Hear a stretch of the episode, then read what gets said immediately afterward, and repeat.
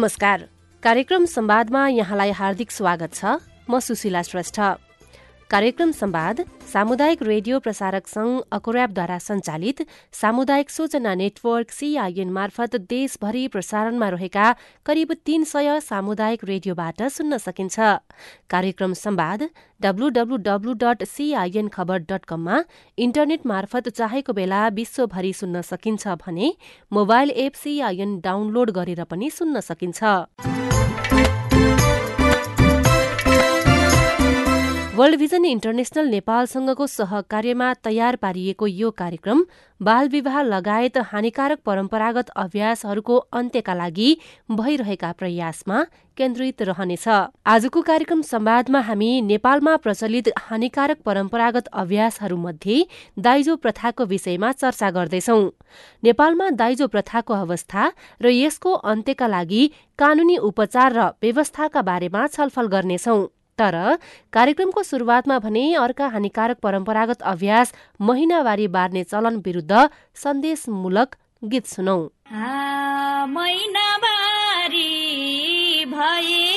नानीलाई अन्त्य गुठ बानीलाई। कहाँ गए भगेरी चरे स्वास्थ्यको ख्याल राख्नु है सधैँभरि राम्रो लाउने मिठो चिज खाने हो गोठा छोडी घरभित्र जाने हो। कहाँ गायो भगेरी चारे स्वास्थ्यको ख्याल राख्नु है सधैँभरि पोषणयुक्त खाना खान्छौ कि खाँदिनौ? समाजको अगाडि जान्छौ कि जाँदिनौ? कहाँ गए भगेरी चरे? स्वास्थ्यको ख्याल राख्नु है सधैँभरि फलफुल मासु दुध दही खान्छौ नि लास नमानी घरभित्रै जान्छौ नि कहाँ गायो भगेरी चारे स्वास्थ्यको ख्याल राख्नु है सधैँभरि सरसफाइमा ध्यान दिनु पर्छ है नत्र धेरै रोगहरू सर्छ है। कहाँ गए भगेरी चरे? स्वास्थ्यको ख्याल राख्नु है सधैँभरि सरसफाइमा ध्यान दिनु कर्तव्य छाउपार्थालाई गर्नु पर्छ अन्त्य। कहाँ गायो भगेरी चारे स्वास्थ्यको ख्याल राख्नु है सधैँभरि। परम्परा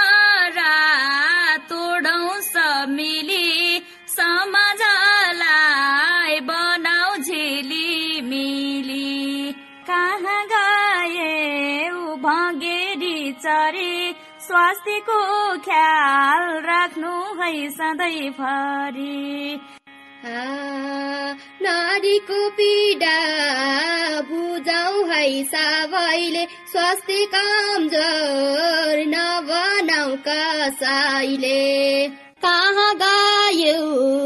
भगेरी चारे स्वास्थ्यको ख्याल राख्नु है सधैँभरि कहाँ गए भगेरी चारे स्वास्थ्यको ख्याल राख्नु है सधैँभरि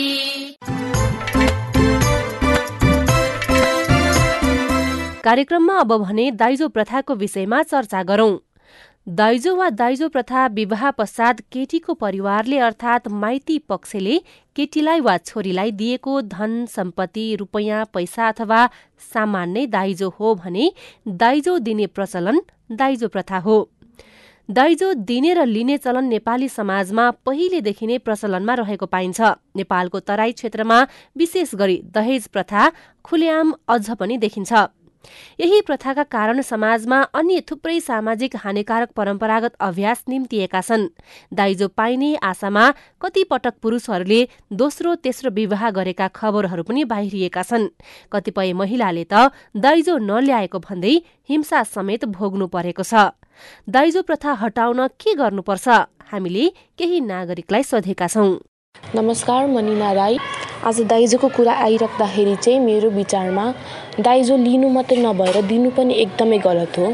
किनकि आज हामी यस्तो युगमा बाँचिरहेका छौँ जहाँ चाहिँ इन्टरनेट र टेक्नोलोजीको रूपमा हामी धेरै अगाडि बढिसकेका छौँ। र दाइजो लिनु दिनुको सट्टामा बरु हामीले हाम्रो छोरीचेलीलाई राम्रो शिक्षा दिएर उनीहरूलाई शिक्षित बनाएर उनीहरूलाई नयाँ सिपहरू सिकाएर उनीहरूलाई रोजगारी दिलाएर उनीहरूलाई इन्डिपेन्डेन्ट हुनु सिकाए एकदमै राम्रो हुने थियो। हामीले हाम्रो सोच बदले मात्र समाज बदलिनेछ र समाज बदले देश बदलिनेछ।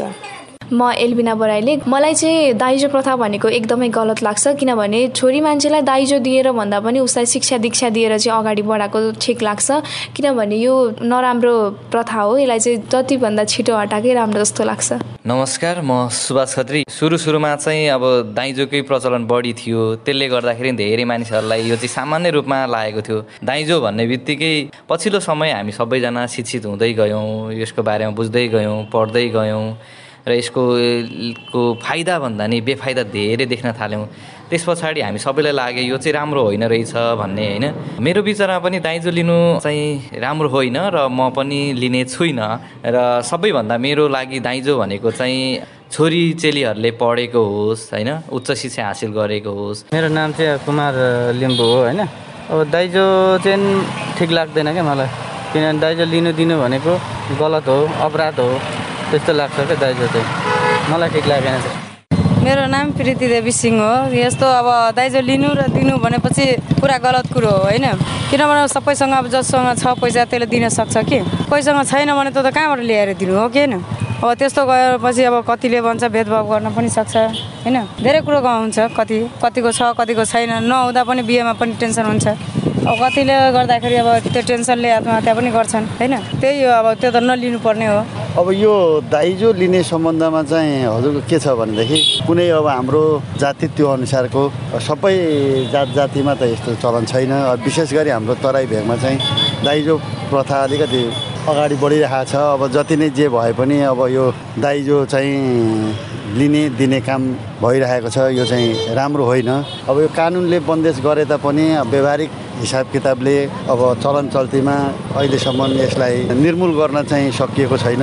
अहिलेका नयाँ जेनेरेसन नयाँ पिँढीबाट चाहिँ यो दाइजो लिने र दिने दुइटै काम राम्रो होइन भनेर चाहिँ विभिन्न ठाउँ मिडियाहरूले विभिन्न युवाहरू पहिचान भएर जनआवाजहरू उठिरहेछन्। विभिन्न राजनैतिक दलहरूले पनि विभिन्न ठाउँमा यो आवाजहरू उठाइराख्नु भएको छ। र पनि यो प्रथा रोकिएको छैन यसलाई चाहिँ के कसरी हुन्छ? यहाँहरू जस्ता अग्र भागमा बस्नुभएका पत्रकारहरू सबै मिलेर चाहिँ यसलाई चाहिँ निर्मूल गर्नु नै पर्छ यो राम्रो चलन चाहिँ होइन। सामान्यत दाइजोलाई बेहुली तर्फबाट बेहुलालाई विवाह गरेर जाँदा दिएका उपहारको रूपमा अत्यन्त हलुका ढंगले लिएको पाइन्छ। सतहमा त्यस्तो देखिए पनि गहिराई भने अत्यन्त भयानक र दर्दनाक छ किनकि दाइजो सामान्य रूपमा उपहार जस्तो बुझिन्छ। उपहार त दिए पनि हुन्छ नदिए पनि हुन्छ तर दाइजो त सदियौदेखि हाम्रो समाजमा एक कुप्रथाको रूपमा जरा गाडेर रहेको देखिन्छ। तर पछिल्लो समय शिक्षा र चेतनाका कारण दाइजोको प्रथा केही मात्रामा घट्दै गएको नागरिकको बुझाइ छ। यसलाई पूर्ण रूपले निर्मूल गर्न शिक्षा प्रदान गर्नुपर्छ र दाइजो प्रथाको विरुद्धमा छलफल गरिरहनुपर्ने अभिभावकहरूको बुझाइ छ। मेरो नाम अविनेश कुमार श्रीवास्तव। म बाँसगढी बर्दिया म बस्छु। अब पहिला दाइजो प्रथा त बहुत बेकार थियो। त्यो कस्तो थियो भने अड्कल गरेर मान्छे चाहिँ अब यति दिनुपर्छ भन्ने सिस्टम जुन थियो नि त्यो बहुत गलत थियो। तर अहिले धेरै सुधार भएछ कस्तो गाह्रो हुन्थ्यो नि अब छोरी जन्माएपछि त त्यस उति बेलाको संस्कारै नै त्यस्तै थियो। अब त्यसले गर्दा गाह्रो हुन्थ्यो। यो सब परिवर्तन बहुत धेरै राम्रो हो। मलाई त म त बहुत खुसी हुन्छु यो सब। मैले आफ्नै बिहा गर्दाखेरि चाहिँ दाइजो एक रुपियाँ पनि नलिएर नि बिहा गरेको। अहिले त्यस्तो छैन त्यही पनि अब कुनामा बाउ यो सोच्दैन कि आफ्नो हाम्रो बालबच्चा सुखी नरहुन् भनेर। आफ्नै तर्फबाट भए पनि अलिअलि भए पनि दिनै पर्छ अहिले पनि। तर पहिलाको जस्तो छैन अहिले। पहिला त अड्कल गर्थे पैसा यति चाहियो अनि गरगहना चाहियो अनि सवारी साधन चाहियो। पहिला अड्कल गरेर माग्थ्यो भने अहिले त्यस्तो छैन। अब चेलीबेटीलाई यातना दिन्थे दुःख दिन्थे त्यही हो। अरे पहिला त अब अत्याचारै गर्थे नि अब गर्नेले अब सबले गर्दैनथे अब त्यो त्यस्तै समाजको त्यस्तै प्रवृत्तिमा पलेको मान्छेले त्यो गर्थ्यो होइन। अब सब समाजमा त त्यो सिस्टम थिएन। तर को तल्लो बेल्टको समाजमा अरू अरू त्यस्तोमा हुन्थ्यो कि? अब दाइजो प्रथा त अहिले त पहिलाभन्दा त अहिले धेरै राम्रो छ नि। आफ्नो स्वेच्छाले चाहिँ दिन मिल्छ अब अहिले त खुल्ला भए सब शिक्षित भए पहिला शिक्षा पनि त्यति थिएन। अब अहिले त प्रत्येक बच्चा बच्ची शिक्षित छन् त्यही भएर खासै त्यस्तो मलाई लाग्दैन। अहिले त्यस्तो छैन। अब मैले मेरो देखाइ अनुसार अब मेरै छोरीहरू अब सब ग्रेजुएट भइसके करिब करिब। अब त्यस्तो मलाई लाग्दैन। म त दाइजोको जुन रकम थियो त्यो तिनीहरूलाई चाहिँ यिनको शिक्षामा खर्च गरिदिएँ। आफ्नो खुट्टामा उभाइदिए।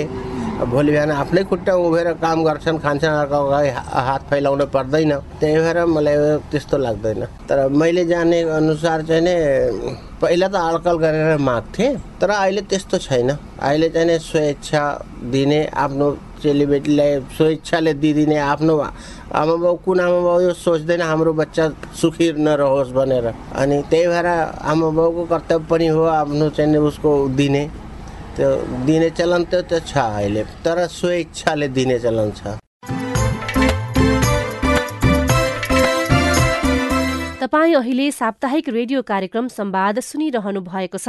वर्ल्ड भिजन इन्टरनेशनल नेपालसँगको सहकार्यमा सीआईएनले तयार पारेको यो कार्यक्रम बालविवाह लगायतका हानिकारक परम्परागत अभ्यास अन्त्यका लागि भइरहेका प्रयासमा केन्द्रित रहेको छ। आजको कार्यक्रम संवादमा भने हामी नेपालमा प्रचलित हानिकारक परम्परागत अभ्यासहरूमध्ये दाइजो प्रथाको विषयमा चर्चा गरिरहेका छौं। नेपालमा दाइजो प्रथाको अवस्था र यसको अन्त्यका लागि कानूनी उपचार र व्यवस्थाका विषयमा छलफल गरिरहेका छौं। दाइजो एक प्रथा भएकाले यो बाध्यात्मक छ। यसले समाजमा असमानता उत्पीडन हत्या र हिंसा जस्ता जघन्य सामाजिक अपराधहरूलाई बढ़ावा दिइरहेको छ। दिनहौ जस्तो हाम्रो समाजमा घट्ने महिला हिंसा हत्या आत्महत्या जस्ता घटनाहरू यसका ज्वलन्त प्रमाण हुन्। दाइजो महिला विरूद्धको आर्थिक शोषणको बलियो औजार बनेको छ। त्यसैले यसको अन्त्यका लागि नेपाल सरकारले कानून नै बनाएको छ। नेपालको कानूनले दाइजो प्रथा विरूद्ध कस्तो व्यवस्था गरेको छ? हामीले अधिवक्ता सुनिता शर्मालाई सोधेका छौं।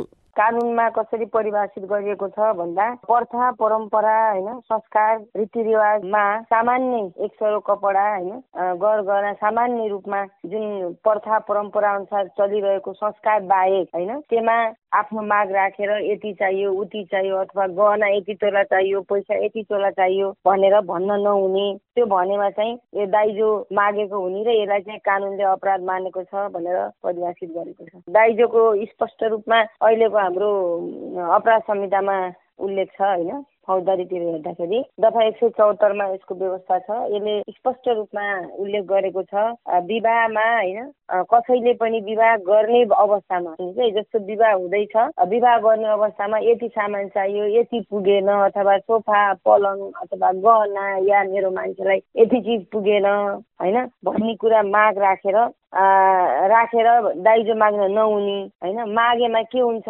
भन्दा यसलाई चाहिँ कानुनले अपराध परिभाषित गरेको र यसरी त्यसरी बिहाको अवस्थामा बिहा गर्नु पूर्व नै मागेर त्यसरी डिमान्ड राख्ने कुरालाई अथवा माग राख्ने कुरालाई कानुनले अपराध मानेको छ र यसले चाहिँ यस्तो अपराध गर्ने व्यक्तिलाई तिन वर्षसम्म कैद तिस हजार रुपियाँ जरिवाना वा दुवै हुन सक्ने भनेर व्यवस्था गरेको छ। तिन वर्ष भनेको कस्तो हो भने एक वर्षदेखि तिन वर्षसम्म जति पनि हुन सक्यो। ठ्याक्कै तिन होइन नि फेरि। त्यसरी तिन वर्षसम्म जुन हाम्रो कानुनी व्यवस्थामा सम्म भनेर भनिन्छ भने एक पनि हुने भयो डेढ वर्ष पनि हुने भयो तिन वर्ष पनि तिस हजार जरिवाना पनि हुने भयो त्यस्तो व्यक्तिलाई अथवा दुवै पनि हुने भयो या जरिवाना मात्रै पनि हुने भयो या कैद मात्रै पनि हुने भयो यो चाहिँ त्यो कस्तो परिस्थिति थियो त्यहाँ दाइजो माग्ने बेलामा? के थियो वातावरण होइन? कसरी गरिया थियो भन्ने कुरालाई पनि माहौललाई हेरेर त्यो अपराधको प्रकृति हेरेर यो सजायको व्यवस्था गरेको जस्तो विशेष गरी यो विवाह पछाडि माग्ने पनि धेरै प्रचलन छ। मैले देखेको छु मैले कति त्यस्तो मान्छेले पनि भनेका छन् विवाह पक्ष पछि पनि डिमान्ड गरेर गहनासम्म दिनु पर्यो भनेर पनि म कहाँ आएका थिएँ होइन? तर त्यसलाई त्यस्ता कुरा धेरै सुनिन्छ र अहिले एकदम स्ट्यान्डर्ड मान्छेहरूले गर्ने कुरा फेरि त्यही हुन्छ हेर्नु। बिहामा नमाग्ने होइन? आफ्टर म्यारिज चाहिँ त्यसलाई चाहिँ डिमान्ड गरेर माग्ने कुरा हुन्छ। यसलाई पनि कानुनले अहिलेको हाम्रो कानुनले अपराध मानेको छ। यसमा चाहिँ पाँच वर्षसम्म कैद र पचास हजार रुपियाँ जरिवाना वा दुवै भनेको छ। यसमा पनि प्रकृति हेरेर गरिने चिज हो। अब यस्तो दाइजो पीडित भएको अवस्थामा चाहिँ पीडित अब केटीको परिवार पनि हुनसक्छ केटी पनि हुनसक्छ होइन? जो पीडित हुनुहुन्छ पीडित पक्षले चाहिँ नजिकको प्रहरीमा गएर उजुर गर्ने प्रहरीले आफ्नो अनुसन्धान गर्छ होइन? त्यसलाई मुद्दाको रूपमा अनि अनुसन्धानबाट आउँछ त्यो कुरा। प्रहरीमा गएर उजुर गर्नु पर्यो। नेपालले अधिकांश ठूला मानवाधिकार सन्धिहरू स्वीकार गरेको छ तर धेरै कानूनी प्रावधान र नीतिहरू अझै पनि प्रभावकारी रूपमा कार्यान्वयनमा आउन सकेका छैनन्। तसर्थ दाइजोले कस्ता कस्ता समस्या एवं विसङ्गतिहरू निम्त्याउँछ र यसको समाधानका लागि के के गर्नुपर्छ भन्ने जस्ता कुरामा हामी आम नागरिक सचेत हुनुपर्छ। कार्यक्रममा अब भने सुनौ यो सन्देशमूलक नाटक।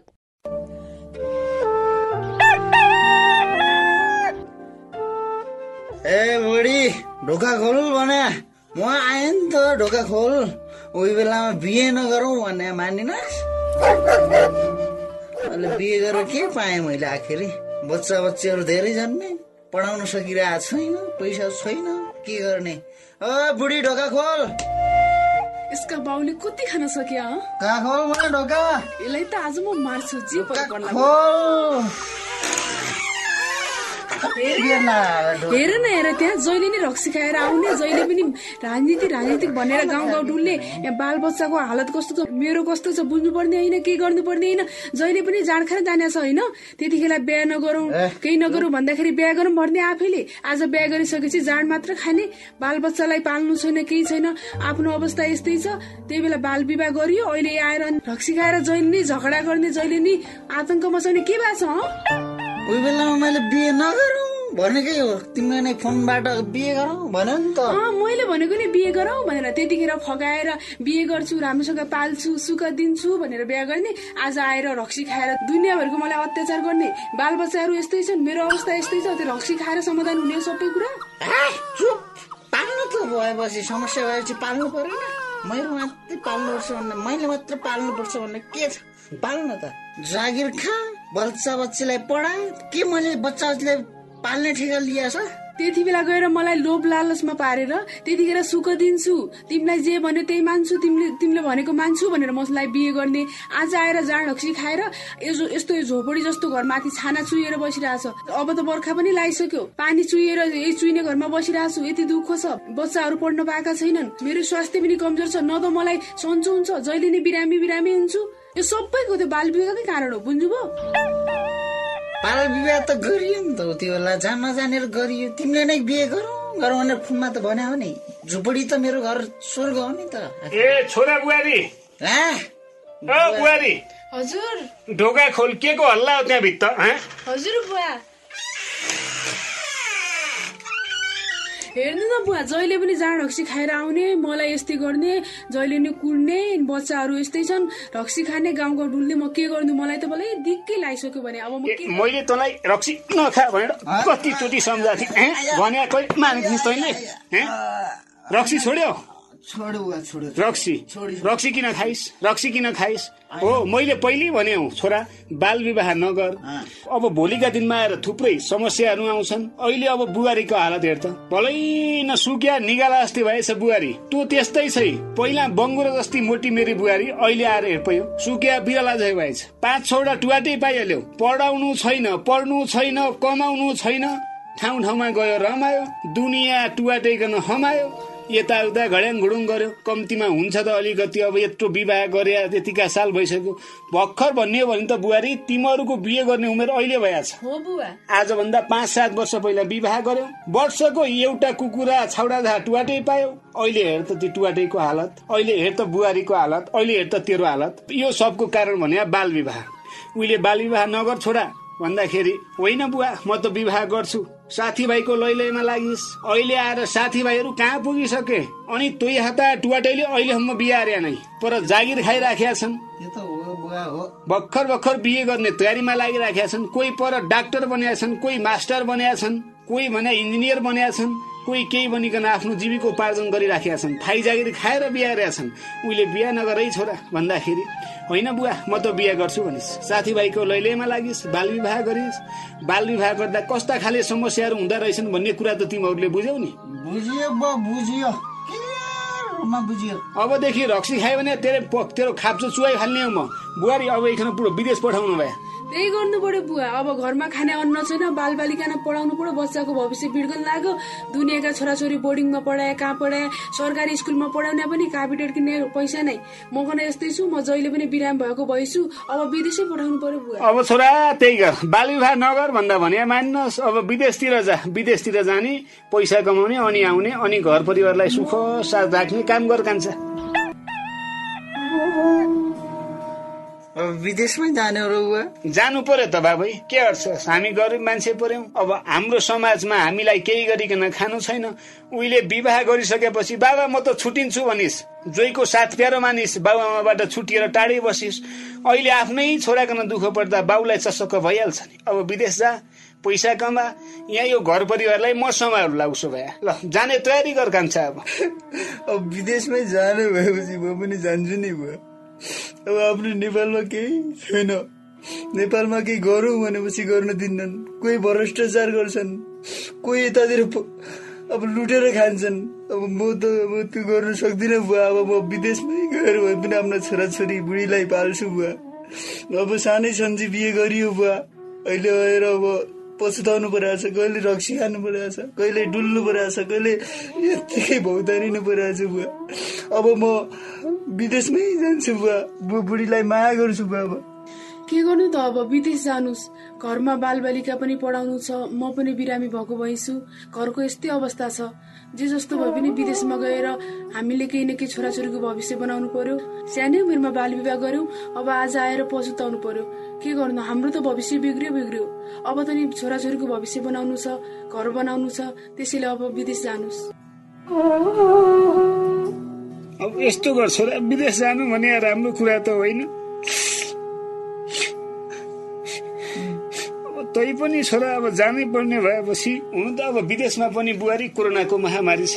छोरालाई विदेश नपठाउँ जे होला दुःख सुख नेपालमै गरी खाउँ अबदेखि रक्सी नखाए रक्सी त खान छोडिसके अब भोलि अब ठिक छ भोलिबाट तोकन हामी। यसो गरौँ बुहारी एउटा कृषि फर्म खोलौँ अथवा केही न केही व्यवसाय गरेर तिमीहरू जीविकोपार्जन गर। जे थियो गल्ती पहिले गरिहाल्यौ। अब यो गल्तीलाई फेरि रिटर्न गर्न सकिँदैन क्या? फिर्ता गर्न सकिँदैन है? अब भोलिबाट एक न एक केही न व्यवसाय गर बुहारी पनि धेरै टुवाटे पाउनु पनि राम्रो होइन धेरै टुवाटे नपाऊ। छोराले पनि अबदेखि व्यापार व्यवसायमा ध्यान दे। अबदेखि यति कुरा थाहा भयो नि मेरा छोरा बुहारीको अवस्था आज कस्तो छ? त्यस्तै अरूका छोरा बुहारीको अवस्था नहोस् कोही कसैले पनि बाल विवाह गर्न नपरोस्।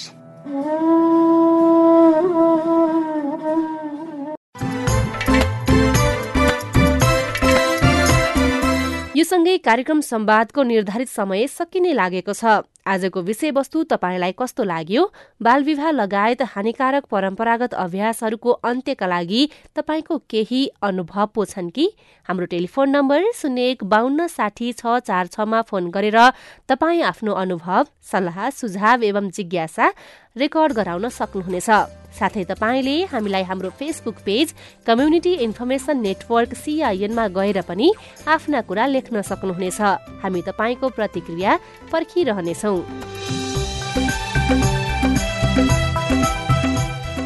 वर्ल्ड भिजन इन्टरनेसनल नेपालसँगको सहकार्यमा सिआइएनले तयार पारेको कार्यक्रम संवादबाट प्राविधिक साथी सुनिल राज भारतसँगै म सुशीला श्रेष्ठ पनि विदा हुन्छु। नमस्कार।